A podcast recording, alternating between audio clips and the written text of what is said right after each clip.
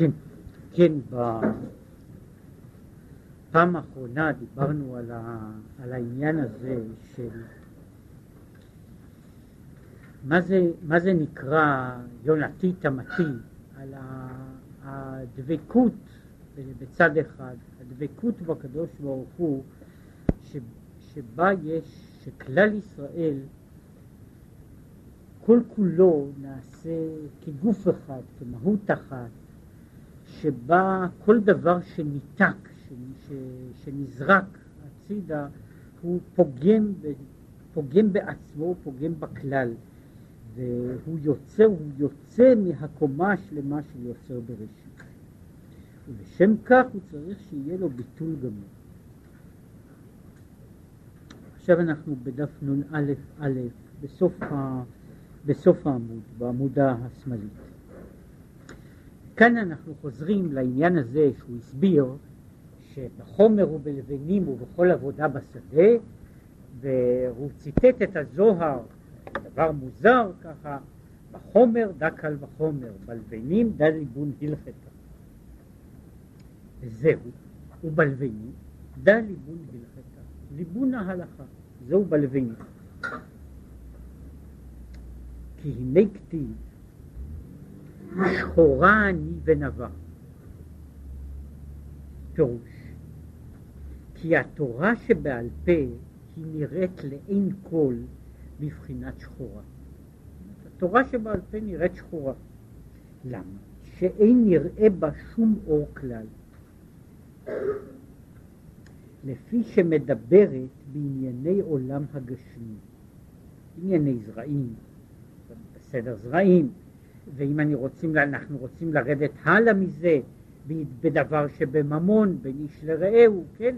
אז היא עוסקת, במה עוסקת תורה שבעל פה? כן, אז היא עוסקת או באיך איך מחלקים את הערוגות שבה, שבשדה, או, או, ב, או באיך מאסרים את כך וכך, או בענייני ממונות, אה, או בסכסוכים בין, בין, בין אדם לרעהו ובין איש לאשתו, וכל זה, זהו, זהו תורה שבעל פה. ולכן הוא אומר, התורה שבעל פה מצד זה נראית שהיא שחורה. כן? במה היא עוסקת? בכל מיני דברים, דברים של העולם הזה. הנושא של, התור, של התורה שבעל פה הוא בסך הכל דברים של העולם הזה לפרטיהם ולפרטי פרטיהם עד לדברים הכי קטנים. אבל באמת ונבע. כן, זה שחורני ונבע. ונבע שכל הדברים שבה יסודתם בהררי קודש, מחוכמה עילאה, שכך עלה ברצונו וחוכמתו יתברך, חכים ולה בחוכמה ידיעה וכך הלאה. אם כן, למרות, בעצם הוא אומר ככה, שאני עוסק בתורה שבעל פה, אני עוסק ב, ב, בכל מיני דברים שהם אה, בעיקרו של דבר פרטים קטנים של מציאות, עניינים קטנים, דברים קטנים, אה, כל מיני פקים קטנים בעצם. זה, זה במה, בזה עוסקת התורה שבעל פה. כן, ולכן התורה שבעל פה אה, נראית עניין קטן ועניין לא, לא מרתק, אבל אומר, התורה שבעל פה יסודתה בהררי קודש, בחוכמה עליונה, והחוכמה העליונה בעצם היא זו שקובעת את פרטי הדינים עד פרטי הפרטים שלהם. ומשום כך, אני אמנם עוסק בפרטים, אבל אני עוסק באותה שעה גם בחוכמה עליונה. היה פעם מישהו שכתב על, על דבר לגמרי אחר ועדיין לא לגמרי רחוק, מה, מה, מה עושה, מה, מה, מה עושה בן אדם שהוא אנטמולוג?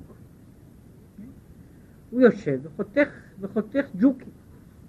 זה בעצם, זה בעצם אה, אומנותו. כן? אז הוא יושב ומפשפש שם, לא לא, לא רק בכנפי פרפרים, אלא הוא מפשפש בבני מעיים של, אה, אני יודע, של... אה,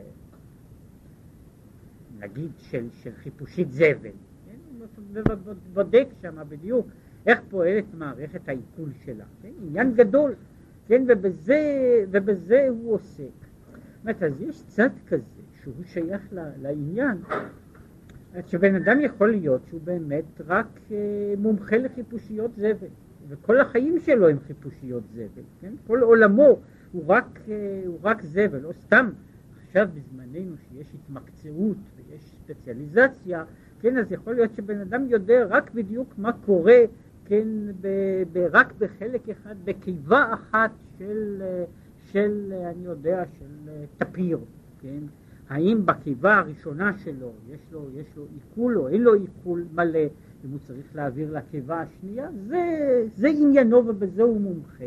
עכשיו אומר, יש צד אחר שבו כל הצדדים שאנחנו מתייחסים להם, הרגשה של הקטנות של התיאור, יש צד אחר שזהו מעשה אלוקינו. זאת אומרת, אני יכול לראות את הדברים בשני הצדדים שלהם. בצד אחד אני יכול לראות את כל המציאות בתור מכלול אחד של דברים שבכלל ההרגשה שלי של, ה, של היפה ולא יפה, הגדול והקטן, היא נעשית חסרת משמעות, מפני שאני עוסק וכך קורה לבן אדם שהוא עוסק בתוך, בדברים האלה בשלמות, שהוא מפסיק בכלל לחשוב על העניין הזה, זאת אומרת שהוא יכול להגיד שה, שהשרץ הזה יפה והשרץ הזה איננו יפה, כן? הדברים מפסיקים להיות בעלי משמעות מהצד הזה, ומה שהוא רואה, הוא, דבר, הוא רואה דברים אחרים. עכשיו, בצד הזה יש, יש בחינה כיוצא בזה, של זה שהוא יושב ועוסק בתורה. ודאי, בן אדם יכול לשבת ולעסוק בתורה באותו אופן, לא באותה, באותה דרגה של, של עיסוק בדבר החיצוני, כן? בדבר החיצוני. זאת אומרת, לא מפני שהדבר הזה איננו חשוב, אבל הוא יושב ועוסק ומשקיע את חייו בשביל העניין הזה, בשביל uh, לברר איזשהו, איזושהי נקודה בין שהיא מעשית ובין שאיננה מעשית. כן, אה, לא פעם התורה שבעל פה היא בעצם דיון, כשיש שני שקרנים שבאים וכל אחד מהם משקר, למי אני צריך להאמין יותר, כן? זאת אומרת, אז אני יכול לראות את הדבר בצורה הזאת, אני יכול לראות את כל העניין כולו באופן אחר, בצורה אחרת, אני רואה את החוכמה האלוקית מעבר לזה שהיא בעיקרו, בעיקרה מכתיבה את הדברים הללו. אלה הם פרטים שהם נובעים, שמבטאים אותו דבר שהוא מהותי, החוכמה האלוקית שבתוכם. וזהו, אומר ככה, לבנים דל ליבון הלכתה, שההלכות הנראות כשחורות צריך ללבנן בלובן העליון. על ידי חדוות השם היא השמחה האמיתית בהשם אחד, ולהיבטל ברצונו, ולא יבקש רצון אחר זולת רצונו יתברך המלובש בתורתו. כן, מה קורה, מהו המעבר הזה שבו השחורה הופכת לנבה? כן, מהו העניין הזה שהוא קורא לו ליבון הלכתה? איך ההלכה נעשית מלובנת? איך ההלכה הופכת להיות מהפרטים השחורים של המציאות לבחינה של לובן העליון? והיא אז תלויה הרבה מאוד. אם הבעיה שלי היא בעיה של, אה, אני יכול להיות וטרינר בקדושה, כן? אני יכול להיות אה, מנקה זבל של, של עולם כזה. זאת ואני כל הזמן, עבודה מלוכלכת כזו שאני צריך לעשות אותה, מקבל בעדה שכר או לא מקבל בעדה שכר, אבל זו, זו עבודה שאני עושה, אני אוסף כך וכך דברים לצורך העניין. עכשיו, ברגע שאדם מזדהה עם התורה, מה שהוא אומר, חדוות השם עם העוזות. חדוות השם עם העוזות. ברגע שהוא מרגיש שרצונו, הוא רוצה לזהות את עצמו עם הרצון האלוקי. באותה שעה העניין של התורה הוא מתלבן בעצמו, משום שהוא בעצם, מה שמעסיק אותו איננו, איך לקרוא לזה, הסיפור. מה שמעסיק אותו הוא לא הסיפור, הסיפור הזה או האחר, אלא שמה שמעסיק אותו הוא מה שנמצא מאחורי, ה, מאחורי המעשה הזה, מה נמצא מאחורי, מאחורי הפרט הזה, מדוע הפרט הזה בנוי כך, והוא הולך דרגה אחר דרגה עד שהוא מגיע לשור, לשורשיהם של הדברים. עכשיו, יש, ההבדל הוא לכן, ההבדל בין, זאת אומרת, ככל שאדם יושב יותר ועסוק יותר ושקוע יותר בחיצוניות של הדבר, יותר התורה היא, היא תורה שהוא לא מלבן אותה, היא תורה היא שחורה.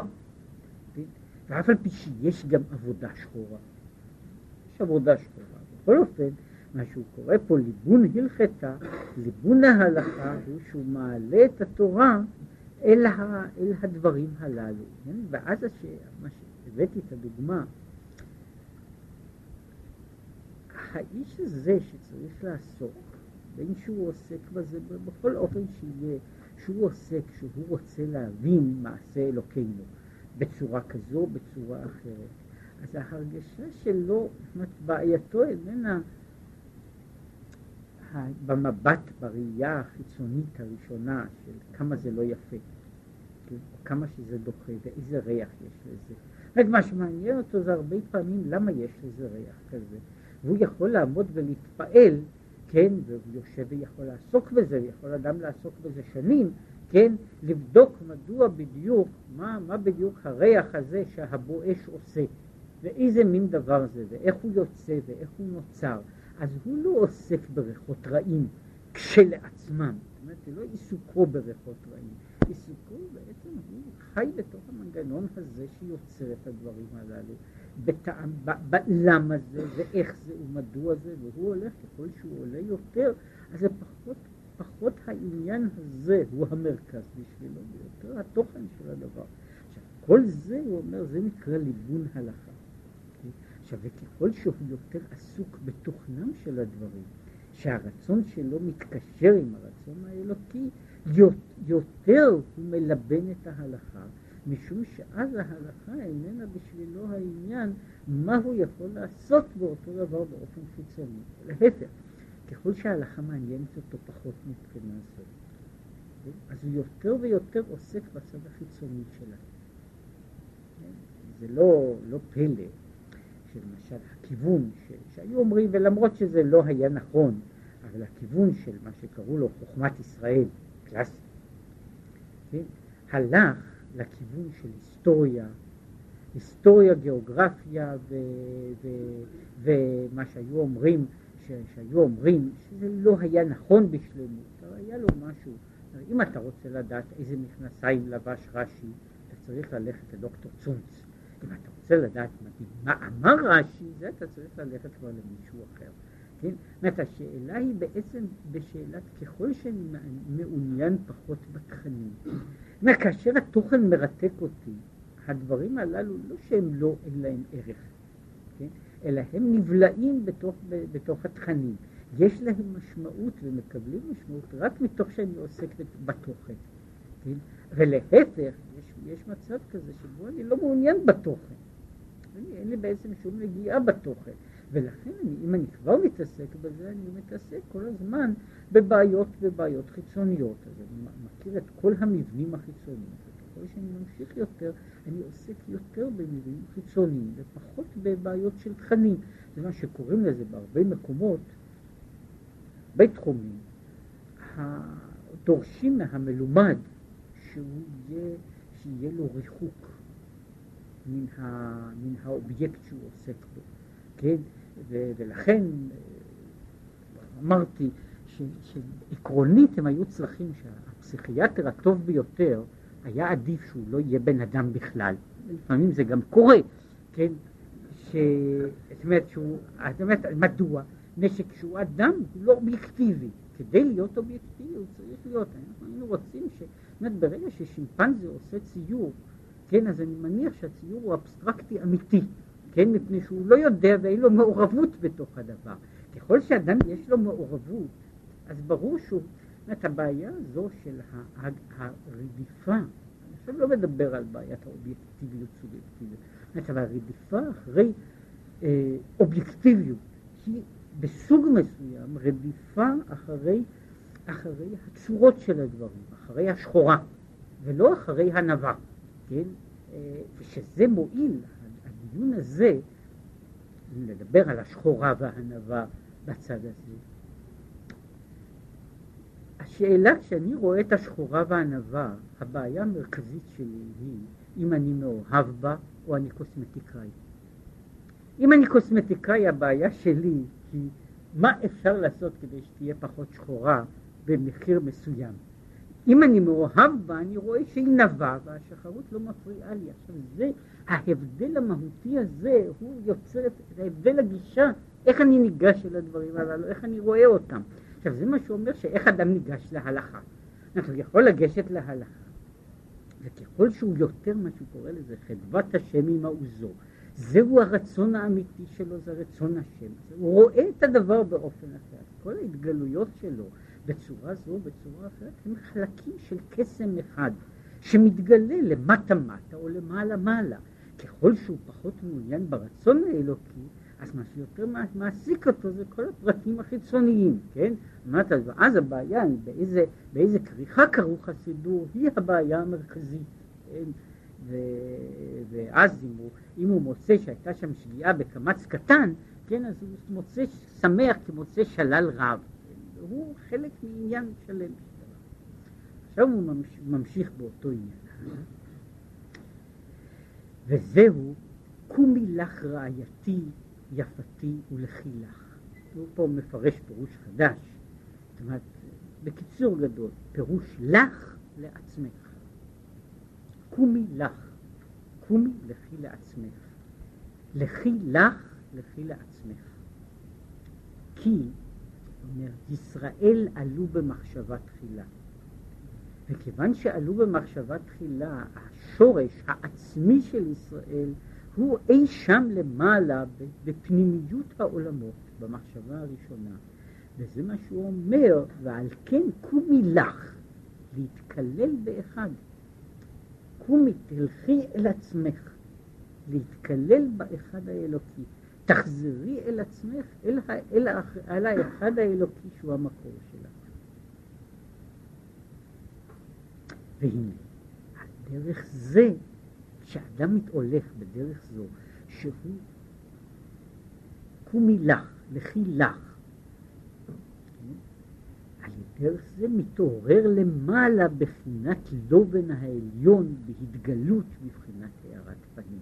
אומרת, כשהוא מגלה, וזה מה שהוא דיבר פה, על הפנים, כמים הפנים אל הפנים, כן לב האדם אל האדם, גם האדם דלמטה אל האדם דלעילה. זאת אומרת, ככל שאני מאיר, כשאני מחפש את הלובן העליון, אז יש התגלות והערה מן הדרגה הזו למטה. וזה מה שהוא נקרא הארת פנים. דהיינו, התעוררות השמחה וחדוות השם. מה שהוא אומר שם, צהבו פניו. יש הסיפור שהוא רק מביא אותו כאן, רק באיזה, רק רימוז של רימוז, כן, שמסופר שם ש, שיום אחד ראו אנשים את רבי, את רבי אבהו, שפניו צהובים, זאת אומרת, ככה מאירים, ואז הולכים לרבי יוחנן ומספרים לרבי יוחנן שרבי אבהו מצא אוצר. כן? עכשיו שהגיע רבי אבאו לרבי יוחנן, שואל אותו רבי יוחנן, איזה דבר חדש שמעת? כן? זאת אומרת, הוא מצא איזה ברייתא עתיקתא. כן? וזה היה בשבילו. באמת, אז הייתה, מה שהוא רוצה לומר, בן אדם ראה דבר חדש, שמע דבר חדש. אז הוא אומר, צהבו פניו, רואים עליו, כן? שהוא עכשיו, הוא מאושר, הוא מצא איזה דבר חדש. זה נובע, כאשר לאדם יש התקשרות פנימית אל הנושא.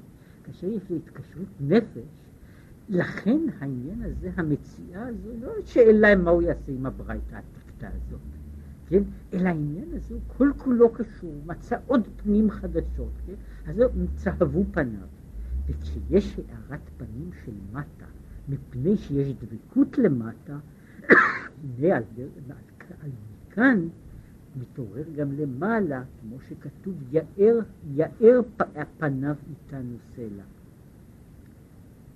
שהארת פניו היא איתנו ועל ידינו. יאר פניו איתנו. מתי הוא יאר פניו? איתנו. אם אנחנו נאיר פנים, גם הוא יאר פניו. אז הוא יאר פניו איתנו, כן? כאשר אנחנו נהיה מעורבים וקשורים בזה. כפי מה שאנחנו מתעוררים, מעוררים בחינת התגלות אלוקותו, כמו שכתוב כמים הפנים לפנים. עכשיו הנה, תכלית ושלמות הגילוי הזה יהיה לעתיד לבוא לימות המשיח. שאז, זהו הגילוי של הפנים בפנים. שאז עין בעין יראו. כי בשעת מתן תורה, ויותר מזה, ומדוע יותר מזה? בכמה אופנים. אחד מהם הוא שבשעת, שאילו בשעת מתן תורה לא היה רק לפי שעה. מה, מה שאין כן לימות המשיח יהיה גילוי אלוקותו לעד ולעולמי עולמים בלי הפסק. וזהו סלע שהוא לשון נצח. יאר פניו איתנו סלע. עכשיו ההסבר קצת בעניין הזה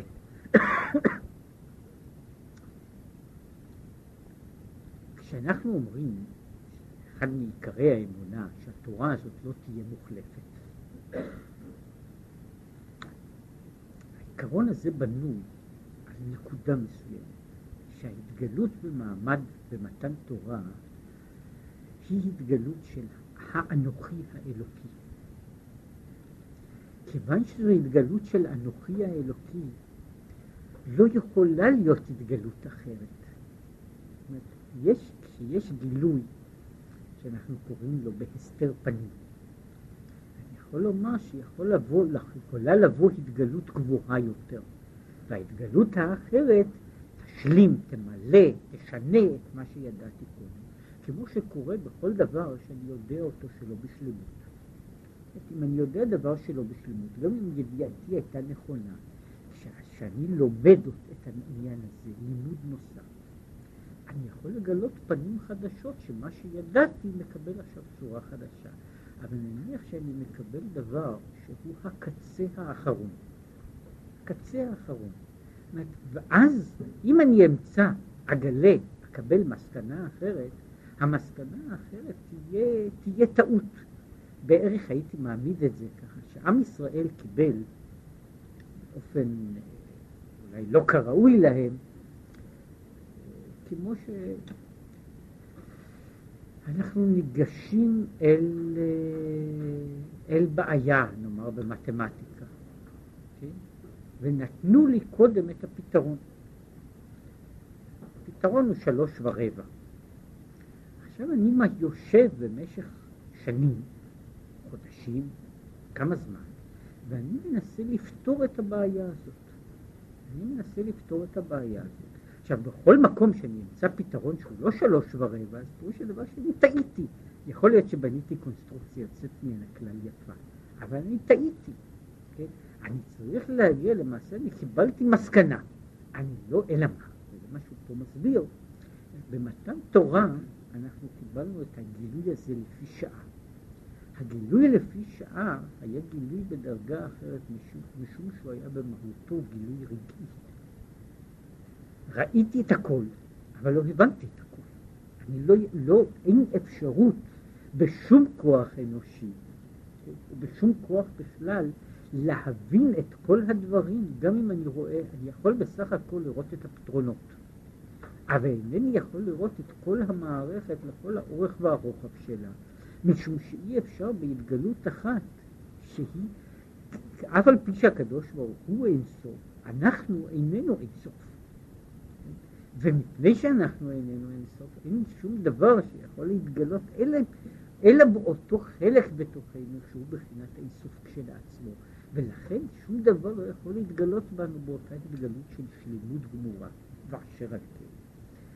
בימות המשיח אנחנו מתחילים לראות את הדבר שאנחנו ראינו כאילו את המסקנה שלו, את החטף הזה, נקודת החטף, אנחנו מתחילים לראות אותה לכל האורך והרוחב והעומק.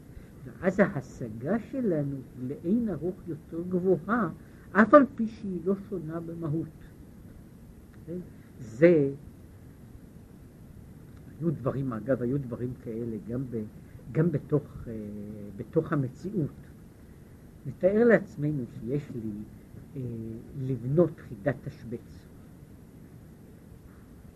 לי לבנות חידת תשבץ, שצריכים להרכיב אותה חלקים על חלקים, תשבץ נאמר, לא, לא תשבץ פשוט דו-ממדי, אלא תשבץ נאמר של חמישה ממדים, שזה בדרך כלל התשבצים שיש לנו בתורה, של חמישה ממדים, ואני צריך, אני צריך לבנות אותו. עכשיו אני יום אחד, קודם כל מראים לי במתן תורה את הדבר, את התבנית השלמה. הנה, ככה זה. עכשיו, מכאן אני יודע שהדבר הזה הוא אפשרי, ושכל זה הוא פתיר. אבל אחר כך, לצערי, כל החלקים הללו מתמוטטים. ובמקום שאני אמצא, אני מוצא חלקים בודדים. ועכשיו אני צריך כך וכך אלפים שנים לנסות להתאים חלק אל חלק, ולפעמים נראה לי שבכלל אי אפשר לעשות דבר כזה, זה בלתי אפשרי מצד מהותו. איך אני יכול להתאים את החלקים הללו? האדם לא בנוי ככה, כן? הגילוי של מתן תורה היה לפי זה התגלות של הדבר האחד. ראיתי. עכשיו, מכאן והלאה אומר, יש גילוי ממין אחר, שהוא הגילוי שבו אני רואה דרגה אחר דרגה. מהות אחר מהות, אני רואה איך שכל העניין הזה בנוי מבפנים ומבחוץ. זה אומר לי, זה לעתיד לבוא. והנה, מה שהוא אומר, בזמן הגלות צריך עמל ויגיעה רבה לקבוע בליבו השמחה האמיתית בהשם, שהוא ליבון הלכתה. כעת אני צריך לעסוק בליבון הלכה.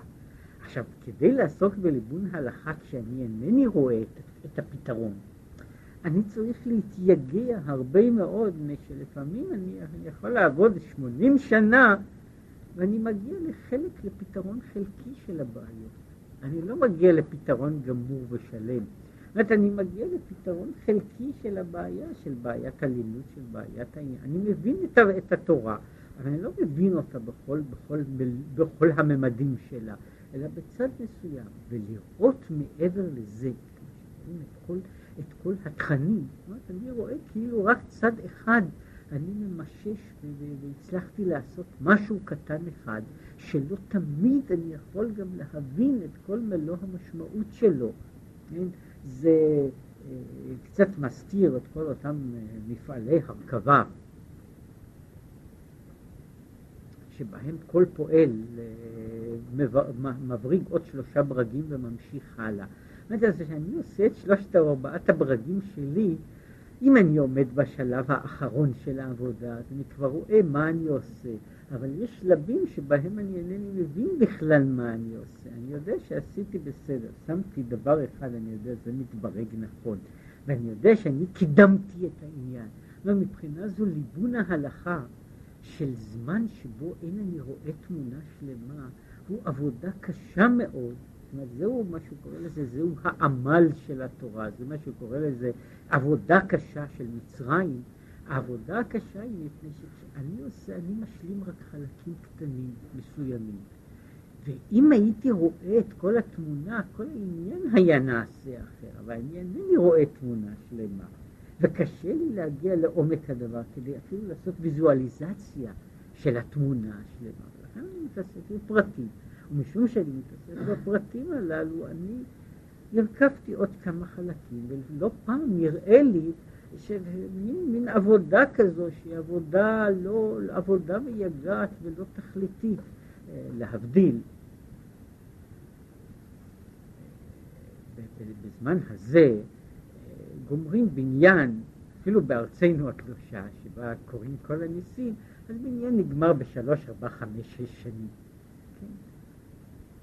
אבל כשחושבים על זה, שיש אירופה מלאה בבניינים שבנו אותם במשך שלוש מאות שנה, מאתיים שנה. יש בניינים כאלה, בניינים גדולים, קתדרלות גדולות, היו כאלה שנבנו במשך 200 שנה ויותר.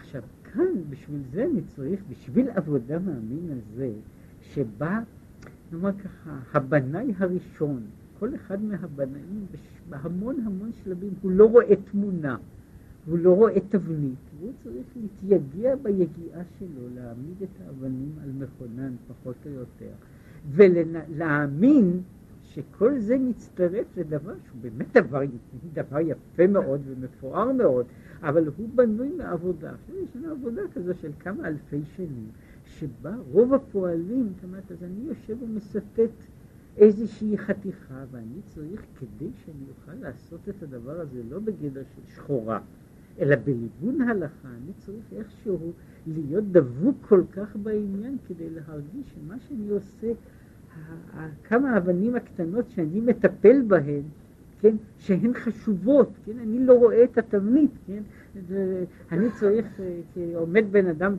בתבנית עצומה ואומרים לי, אתה צריך לבנות זוויות כאלה, תבניות כאלה, וזו העבודה שלך, לייחס, שאומרת שיהיה בדיוק יחס כזה, זה בדיוק, אני יושב ועוסק, נאמר, בדיני ממונות, ואני יושב ועוסק בבעיות פרטיות אלה ואחרות. כדי שיהיה ליבון הלכה, אני צריך להרגיש בתוכן את הקשרים, איך כל אלה נכנסים, זורמים אחד אל השני ואחד מתוך השני. אומר, אבל, אומר, לכן צריך מה שאין כן לימות המשיח, אז וראו כל בשר יחדיו. זה מה שאומר, מה, שאני אראה אז, אני אוכל לראות אז את כל התמונה השלמה, אז אז העבודה, וזה מה שהוא רוצה להסביר. אומר, הוא לא רוצה לומר שהעבודה שבימות המשיח אין עבודה. הוא אומר, ההבדל, וזה אחד ההבדלים במהות, חלק מסוים מעבודת הפרח הוא ההרגשה של עבודה שאני לא מרגיש את הערך שלה ואת התוצאות שלה. זה יוצר את עבודת הפרח. כשאני מרגיש שאני עושה עבודה, וכל פרט שאני עושה, הנה, הוא משלים את איזשהו דבר, אז זו הרגשה לגמרי אחרת. אבל בשביל זה אני צריך שתהיה לי תמונה שלמה. בשביל זה, אומר, וזה צריך, זהו וראו כל בשר יחדיו, כן? את המכלול. כן? ולפני זה, בטרם היותו, זה בעבודת פרח. וכן, הוא אומר, עכשיו הוא ממשיך הלאה באותו עניין. וכן בעניין, מה שאומר שם, ובכל עבודה בשדה, דא ברייתא, זוהי הברייתא. כי ברייתא היא בחינת לבר מן גופה, היא המשנה החיצונית, מחוץ לגוף, שהם איברים החיצוניים. והמשנה נקראת איברים הפנימיים. וזה הקשר בין המשנה והברייתא, זאת אומרת, יש המשנה שהיא המכלול, הגוף הפנימי, והברייתא שהיא כל מיני צורות חיצוניות שצומחות. וכל דבר שהוא שנוי בברייתא, הוא מרומז במשנה. וכמו שאמר אילפא, שזה מופיע בפעמיים בגמרא, מאן דשאילי בברייתא ולא פשיטנא לי ממתניקי. זאת שמה הוא אמר, וזה לא חשוב שמה הסיפור, הוא עלה ל- לראש תורן של אונייה ואמר שאם, אה, שאם מישהו ישאל אותו שאלה ויראה לו ברייתא שהתוכן שלה איננו נמצא כבר במשנה, הוא יפיל את עצמו לים. יש שם כמה סיפורים ששאלו אותו כמה שאלות, והוא מצא איך הדברים הללו כתובים בצורה זו, בצורה אחרת בתוך המשנה. עכשיו, הוא רוצה לומר, פשיטנה לה, פשטינא לה, מלשון פשט את ידו. שהוא לשון הושטת יד, ואמר שיושיט את ידו ממתניתין לבאר הדין השנוי בברייתא, ולא היה צריך ללמוד הברייתא בפני עצמה, כיוון שהיא נכללת במתניתין. זאת אומרת, הוא רוצה לומר, אומר ככה, אם הדבר הזה הוא אמיתי, אם הדבר הזה הוא אמיתי, פירושו של דבר שהוא מרומז, ואני יכול להראות איך הוא מרומז בתוך, בתוך, בתוך המבנה הבסיסי. אומרת, בשביל זה, אומרת, צריך שבן אדם יהיה לו, מה שיש בכל מיני תחומים, בכל פעם, למשל, שוב, ללכת לעולם אחר, תיאורטי לגמרי. כך הניחו הרבה אנשים שעסקו בעניין הזה. לו היינו יודעים בתכלית השלמות, מצב, כל, כל הצדדים, של מצב של דבר אחד בעולם, במלוא, במלוא השלמות, אפשר היה להסיק ממנו את כל המציאות כולה. זאת אומרת, מכיוון שהמציאות בנויה כמכלול, אני יכול להסיק ממנה את הדברים. כמו שאמר פעם איש מדע גדול אחד, אומר, לאמיתו של דבר, כשמישהו רואה טיפת מים, הוא היה צריך להסיק מתוכה את הקיום של האוקיינוס השקט. כן? עכשיו, אלא, כמו שהוא אומר את זה, אך לא כל אדם זוכה לזה. זאת אומרת, אני לפעמים רואה את הפרטים, אני לא רואה את, את כל... זאת אומרת, שוב, כדי לראות, להראות את הדברים הללו, את הקשר, שהוא אמר פה, הקשר בין הברייתא למשנה, הקשר בין עובדות מפוזרות לבין התכנים המרכזיים, ולהראות איך הדברים הללו זורמים מכאן לשם חזרה, אז זהו דבר לא כל אדם זוכה לזה. שמו מוכיח עליו שלכך נקרא אילפה, מלשון האלף חוכמה, האלף בינה. ולכן היה מבין דין הברייתא מתוך המשנה. לכן הוא היה יכול לומר שהוא יכול להסיק את הברייתא מתוך המשנה, הוא לא צריך ל, ל, לעניין הזה, כן, אה, סיפרו בדור, למעשה בדור שהיה, הדור שלפנינו, היה, אה, כך סיפרו עליו, היה ה... שקראו לו הרוגה צ'ובי, והוא כנראה הרבה שנים הוא לא טרח להסתכל אי פעם בשולחן ערוך. הוא לא טרח. הוא היה אחד מגדולי הלמדנים בדורו, הוא לא טרח להסתכל בשולחן ערוך. ויום אחד, זאת אומרת, הוא היה רב כזה, כן, הוא היה רב בדווינסק, אה, ש, ש, שלא ראה שולחן ערוך. והוא, פעם הראו לו שולחן ערוך, הוא עבר על השולחן ערוך, היה גם בן אדם עם תפיסה מהירה. הוא אומר, מצאתי שם רק דבר אחד שאני לא יכולתי לשער לבדי. כן? זאת אומרת, הנקודה הייתה, אומרת, אני יכול לבנות את הקונסטרוקציה. הקונסטרוקציה הזו היא בעצם, היא, היא טבעית. כן, אם אני יודע, כמו שהוא ידע, את כל הגמרא ישר והפוך, ואת הרמב"ם גם כן ישר והפוך, לפרטים ולפרטי פרטים, אז מה, אז כל השאר, רש"י, תוספות, רמב"ם, ביחד, אומר, אז התוצאות, המסקנות שיש אפילו בפרטים קטנים הן לא חשובות, ולכן יש בספרי השאלות והתשובות שלו, שיש אחדים, כן, שהם מאוד מוזרים מבחינת הסגנון, היה לו סגנון לעצמו, קרה שאנשים שאלו אותו שאלות על פרטים בספרי הלכה האחרונים, של כמעט בני ימינו. מה עושים?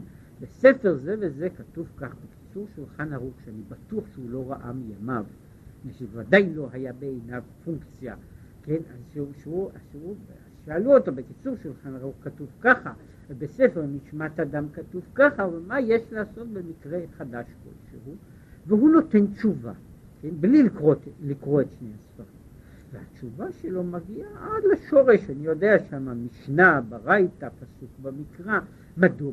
שברגע שהוא רואה את המכלול, אז הוא יכול להגיע, הוא לא צריך לשבת כאילו בכל המבנים, המבנים המשניים, השלישיים, הרביעיים, הוא יכול להגיע ולבנות אותם מנקודת היסוד, הוא יכול לבנות את כל המבנים הללו, כן, ובשבילו כל זה, הוא מבנה, הוא בעצם מבנה אחד, אומר, הכל כבר נמצא בתוך הגרעין. וכל השאר הוא קישוטים, כן? זאת אומרת, זה, זה פיתוחים של, של דבר שישנו. אבל לא כל אדם, כל אדם מבין ככה. אבל אני אומר, ולכן, ולכן היה מבין, אבל אנחנו צריכים גם כן לעסוק בדין הברייתא, מתוך המשנה. וזהו בכל עבודה בשדה. זאת אומרת, אנחנו, שוב, האיש הזה שיכול כאילו לראות את הגרעין, את נקודת המרכז, הוא יודע את כל המנגנונים, הוא יכול לעשות מהנקודה המרכזית, הוא יכול להסיק את כל המסקנות, אז הוא לא צריך ללמוד הרבה. הוא לא צריך ללמוד הרבה תיאורטי. הוא צריך לדעת רק את העיקר. כל השאר כבר כלול בתוך הדברים הללו. אבל, אומר, לדעת כך את העניין העיקרי, מה זה דבר שהוא נדיר שבנדיר, וסתם בן אדם צריך לשבת ולעסוק הרבה מאוד בכל הפרטים, מפני שהוא, אם הוא לא יעסוק בהם לחוד, הוא לא יגיע לעולם מן המרכז אל כל, אל כל ההיקף הזה. ובשבילו המרחק בין, בין דבר אחד לדבר השני הוא אה, אה, מרחק שהוא כמעט לא, לא, לא ניתן למעבר, או לגמרי לא ניתן. וזהו למשל, כמו שמביא חיטים מתוך הבית וזורעים בשדה מחוץ לעיר. ככה עוסקים בברייתא בדין השנים במתניתים. מה זה, מה, בעצם אני לוקח את החיטה מהבית ואני זורע אותה בשדה. והנקודה היא שהחיטה הזו שבבית היא גדלה פי שתיים, פי שלוש, פי עשר, פי מאה בתוך השדה. כן, אז מה, אני לקחתי את כל התוכן החדש, את כל המאגר, מה שקוראים, כל המאגר היה כבר אצלי בבית. אני זורע אותו בשדה והוא גדל ומתפתח ומקבל מקבל כך וכך צורות, אבל לא, לא גדל לי מין חדש של חיטה. זאת אומרת, כל מה שהיה היה כבר אצלי בבית, אלא שהוא קיבל עוד ועוד ועוד צורות, עוד ועוד ועוד הופעות. והנה, עכשיו אומר הספסה, שזה אומר שוב, זוהי העבודה בשדה, הוא דיבר פה על העמל של הגלות. בחומר דקל בחומר, בלבנים דא ליבון הלכתה, בכל עבודה בשדה דברייתא. זאת אומרת, אנחנו יושבים, וזה אומר הגדרת הגלות, אנחנו יושבים בלימוד התורה של גלות, אנחנו חייבים להיאבק עם כל הפרטים, עם כל הצורות, עם כל, ה, עם כל החומר הקיים, משום שאין לנו תמונה ויכולת לראות תמונה אחדותית אחת, שבה כל זה הוא פשוט.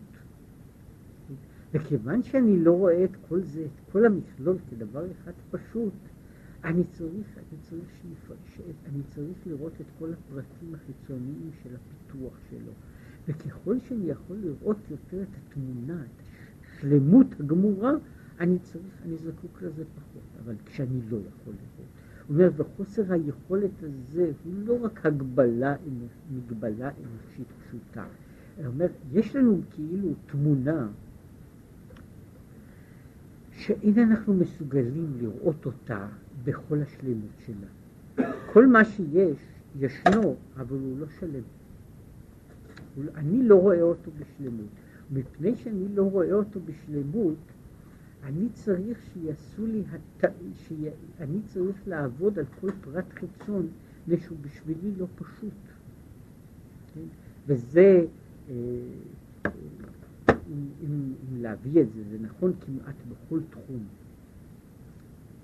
האיש שיודע, האיש שיודע, כמעט בכל דבר שבעולם, לא צריך שיסבירו לו את כל הפרטים. מפני שהוא יכול, אפשר לבנות לו סקיצה, והוא יכול לבנות מתוכה איך, איך הדבר הזה צריך להיראות. ככל שאני יכול לראות פחות את המכלול, אני יותר זקוק להשלים לי פרטים ופרטי פרטים. ככל שאני מבין יותר איך הגרעין המרכזי עובד ואיך כל דבר זורם ממנו, אני צריך פחות פחות לדעת פרטים. ככל שאני יותר, אני פחות מבין, אני זקוק יותר לעניין הזה. יש דוגמה, דוגמה שהיא דוגמה מאוד, מאוד מעניינת. היו לי הזדמנויות לראות את זה קצת בתור תלמיד, קצת בתור מי שלימד קצת מתמטיקה.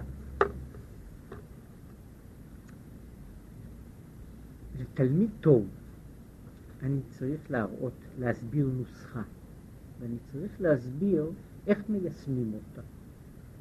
ואחרי זה, כל התרגילים שיש שנמצאים במחברת הם רק תרגילים. זאת אומרת, הם עניין של יישום. עכשיו, מה קורה ככל שהתלמיד מטומטם יותר?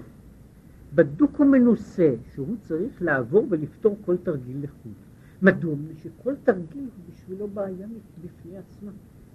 ובשבילו בעיה בפני עצמה שאין לה שום קשר לתרגיל הקודם. והוא פותר אותה כל בעיה ובעיה לחוד, והוא חייב לפתור אותה לחוד.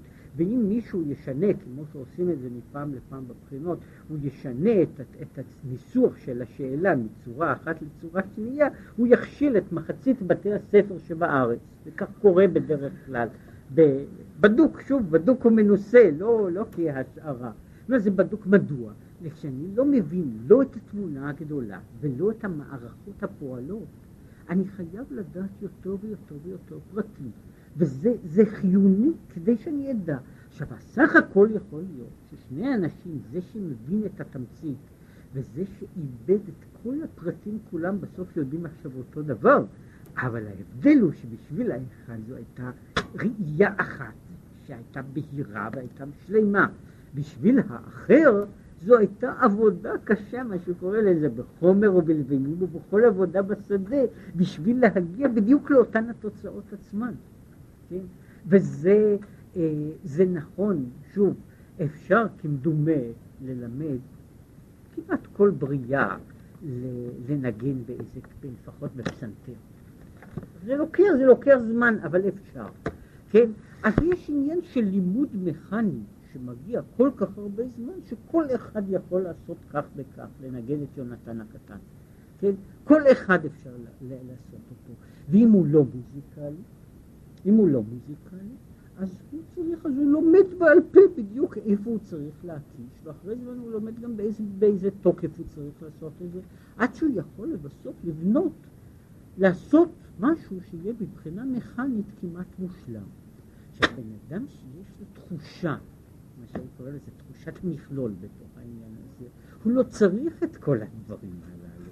כן? הוא לא צריך את כל הדברים הללו, מפני שהוא יכול, אני יכול לתת לו מלודיה, והוא יכול להשלים אותה, מפני שהיא צריכה ללכת כך וכך, מפני שהדברים צריכים בנויים בצורה כזו וכזו. עכשיו, זהו אותו דבר שעכשיו שהוא מדבר על העניין הזה של לימוד התורה. מה קורה כשבן אדם יש לו, יש לו תורה שהוא לא יכול, הוא לא מבין את, ה, את דרך הנשמה שלה, והוא לא רואה את המכלול שלה במבט אחד. לכן הוא צריך להתייגע על כל פרט ופרט, ללבן הלכתה, עבודה בשדה, אומר ואומר, זהו הגורל של זמן הגלות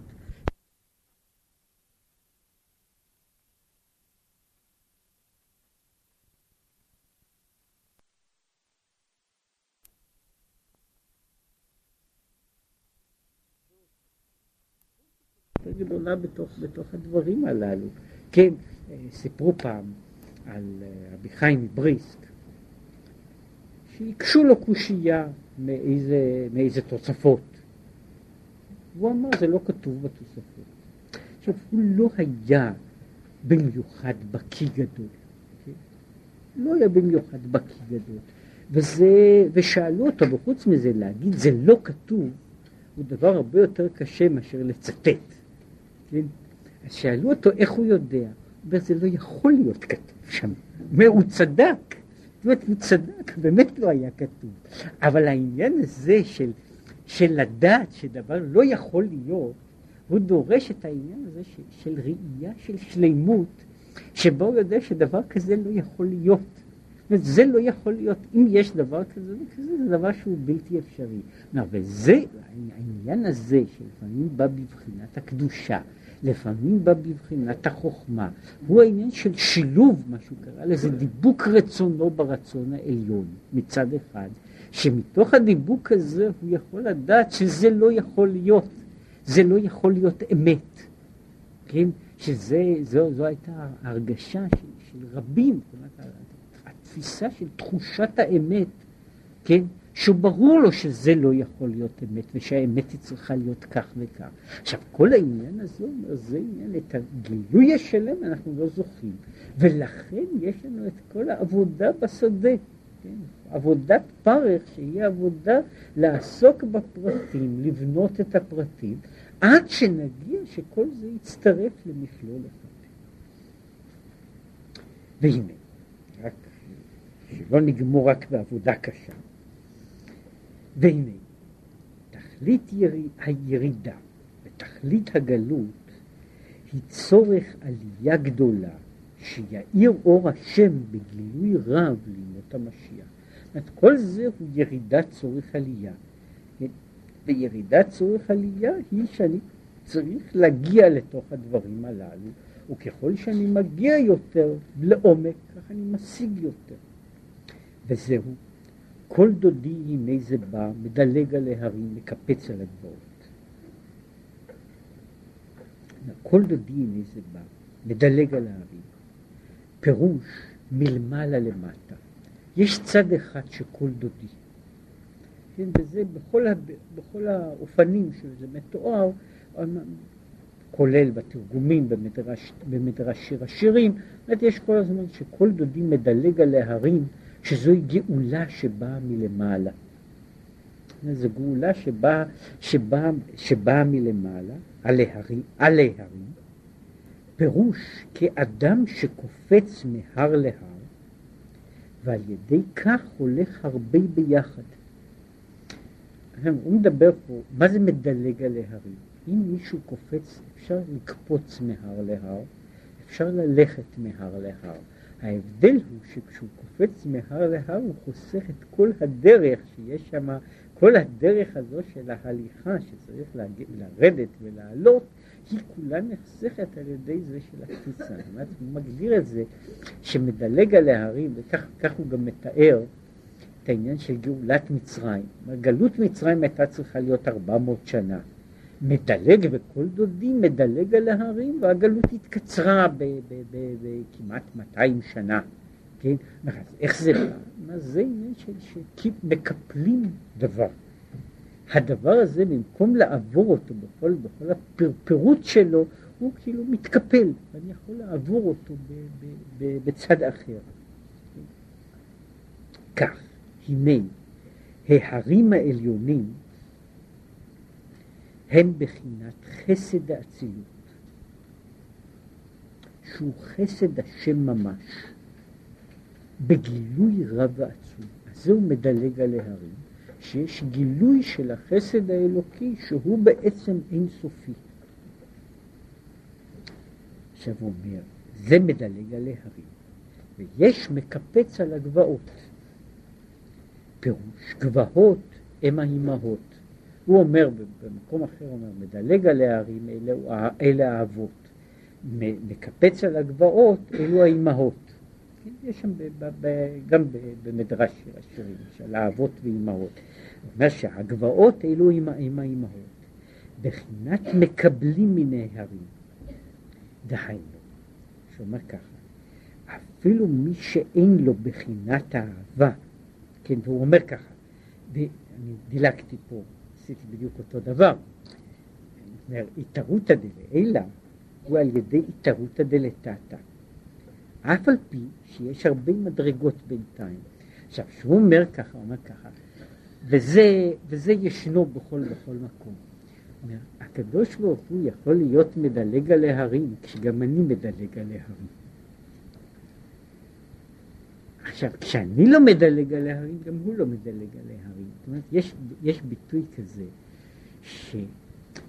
שהקדוש ברוך הוא נוהג, יש סיפור שמישהו עמד למות, כן? אחר כך הוא עברי, הוא אמר שהקדוש ברוך הוא נהג בו ככה מפני שהוא היה נוהג לפנים משורת הדין, שהוא לא היה עומד על מידותיו. כי אז אמרו, כיוון שהוא לא מעמיד על מידותיו, אל תעמידו איתו. זאת אומרת, יש הדבר הזה, ברגע שהאדם יכול לדלג על ההרים, זאת אומרת, לעשות את הקפיצה הזו מדרגה לדרגה, לא ללכת את כל הדרך לאט לאט, אלא לעבור דרגה, מדרגה מהר להר, כך יש גם מלמעלה גילוי כזה שהוא דילוג. עכשיו, עכשיו הוא אומר, יש גם מקפץ על הגבעות, שזה מקבל מהבחינה. מה זאת אומרת? דהיינו, אפילו מי שאין לו בחינת אהבה מצד עצמו, אך מפני שרואה ושומע תפילות אחרים, מתעורר בו גם כן. יש אדם שהוא יכול למשל בתפילתו להיות מדלג על ההרים. שהוא יכול להגיע בתוך התפילה שלו, בתוך העבודה שלו, להגיע, לקפוץ, לדלג מדרגות שלמות, שזהו חלק מהעניין של, של עבודת תפילה בסוג מסוים, שיש עבודה שאדם עובד באופן מסודר, מדרגה אחר מדרגה, ואני מגיע למשהו רק כאשר אני במקום הנכון ובמצב הנכון. עכשיו, מדלג על ההרים זה שבן אדם עובר וקופץ מעבר לדרגות הגבולות של עצמו, גם מעבר לדרגות ההשגות של עצמו. יש דברים שיש, וזה תלוי גם באנשים, יש אנשים יושבים שהם אף פעם לא מקפצים ולא מדלגים, כן? אומרת, ובן אדם כזה לא יכול להגיע לאיזה דבר בלי שתהיה לו השגה שלמה והבנה שלמה באותו דבר. והוא לא יגיע לאיזה דרגה, הוא לעולם, הוא ינסה שלא לקפוץ, או uh, לעשות את הדילוגים הקטנים שבג... שבג... שבדרך האפשר. כן? והוא לא, לעולם לא יעשה, הוא לא יעשה, זה, זה סוג של סיכון. בדברים האלה זה סיכון הנפש, כמו שבכל קפיצה יש סיכון הגוף. אומרת, יש הסיכון הזה שאני עובר באמצע איזה, איזה מעבר, איזה תהום, שאני לא, לא איבדתי אותה, שלא גמרתי ל, ל, ל, לתקן אותה. והשאלה אם אני יכול להניח לעצמי לקפוץ להר אחר. אם אני יכול לקפוץ, זאת אומרת, יש, יש מצב כזה, נוח לי על הגבעה שלי. ואם אני רוצה לזוז ממנה, אני רוצה לעשות איזה צעד אחרי צעד, שחלילה לא יהיו, לא, לא יהיו מהומות בדרך, ואני הולך צעד אחרי צעד. גם אז אפשר להגיע, כן? ואז כל העולם הולך באותו כיוון, כן? ויש אופן שבו מישהו יכול לדלג מדרגה לדרגה. עכשיו, יש דילוג כזה ש... שיש אנשים שעושים אותו בעצמם. שעושים אותו בעצמם, שהם נכנסים לסיכון הנפש. הבעיה של רבים וטובים בכל מקום היא שבן אדם נתבע לעשות כל מיני דברים. כן? והוא רוצה להיות מוכן לזה. כן? אז חוץ מזה שאפשר הרבה פעמים אפשר למות לפני שנעשים מוכנים. כן? יש כמה דברים כאלה בעולם. שאם בן אדם יחכה עד שהוא יהיה מוכן להם, אז הוא ימות בשיבה טובה, כן, ולא יהיה מוכן להם, כן. יש, אה, תארו לעצמכם שמישהו היה, צריך בכל פעם לעבור, את, נאמר, את הקניון הגדול על ידי זה שהוא יורד ברגל ועולה למעלה. כן, יש דברים כאלה, אפשר לעשות את זה, אבל זה לוקח קצת יותר זמן, ואפשר גם, גם, גם שם אפשר ליפול, גם אז אפשר ליפול. עכשיו, יש עניין הזה של איזשהו דילוג. של, של מעבר, של קפיצה, של, של, של, של מה שבן אדם עושה יותר ממה שהוא מסוגל לעשות. זאת אומרת, ושהוא יודע שהוא באמצע עומד על חלל ריק, כן? שהוא לא בנוי לעניין הזה, וזה לא פשוט. יש כאן נקודה של הפקר, ברגע מסוים אני יודע בדיוק עד כאן הגעתי, זה, עד כאן אני מסכים. לדברים האלה אני לא יודע, את הדברים האלה אני לא משיג. לעשות קפיצה, כן? לעשות קפיצה כן, לאן, איפה אני יודע, איפה, אם אני אפול, אם אני אגיע, ואם אני אגיע, אם אני אפול, ואיך נראה ההר השני. עכשיו, יש אנשים שעושים את הקפיצות הללו בתוך נפשם. יש אחרים שלא עושים אותם, לא היו יכולים לעשות, אבל הם מסתכלים באחרים. והדוגמה של אחרים, זאת הוא לא קופץ כל כך הרבה, אבל גם הוא משהו, זה שהוא רואה את, ה, את העניין תנופה גדולה במקום אחר, היא עושה אצלו לפחות לעשות איזה דילוג קטן, כן?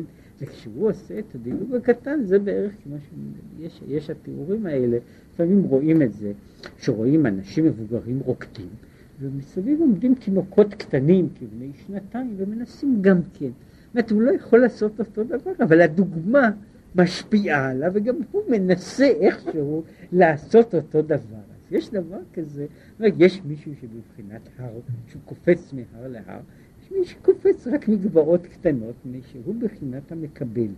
ומכוח הדברים האלה, מה שרוצה להגיד, שמכוח הדברים האלה, אלה שיכולים ליצור אה, חלק מהעניין של, של, של הגאולה, יש צד כזה שבעצם אם הייתי צריך לרדת לכל הפרטים ולברר את כל הפרטים עד שאני אעשה מעשה, זאת לא הייתי עושה שום דבר, אלא שאנחנו עושים דילוגים, וחלק מהדילוגים האלה הם אלה שעושים שהגלות לא תהיה אינסופית.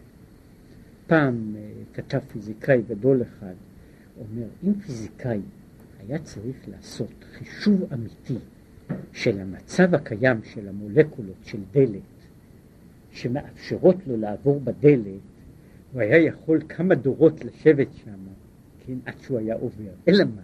עושה, לוקח איזה סיכון, כן, והוא נכנס בכל זאת בדלת. עכשיו הבעיה היא פה, הבעיה היא פה שיש, ש, שבצד מסוים כל עולמנו, בפרט עולמנו הרוחני, חי על זה שאנחנו לוקחים גם איזה סיכונים. וסיכוני הנפש הם הרבה יותר מורכבים מסיכוני הגוף, מפני שאני אומר, אני עומד לי בתוך העולם שלי, ויש לי עולם שלב, שקט, פחות או יותר מאוזן. יכול להיות שלא עולם, עולם שמח, אבל עולם מאוזן. ועכשיו אני מרגיש שאפשר לעבור לעולם אחר, אבל צריך בשביל זה לקפוץ. עכשיו, אני רוצה לקפוץ, אז אני יודע שבאמצע הקפיצה אין לי שום ביטחון. כן? ויחד עם זה, הקפיצה היא הדרך האחת שהגלות לא תהיה אינסופית.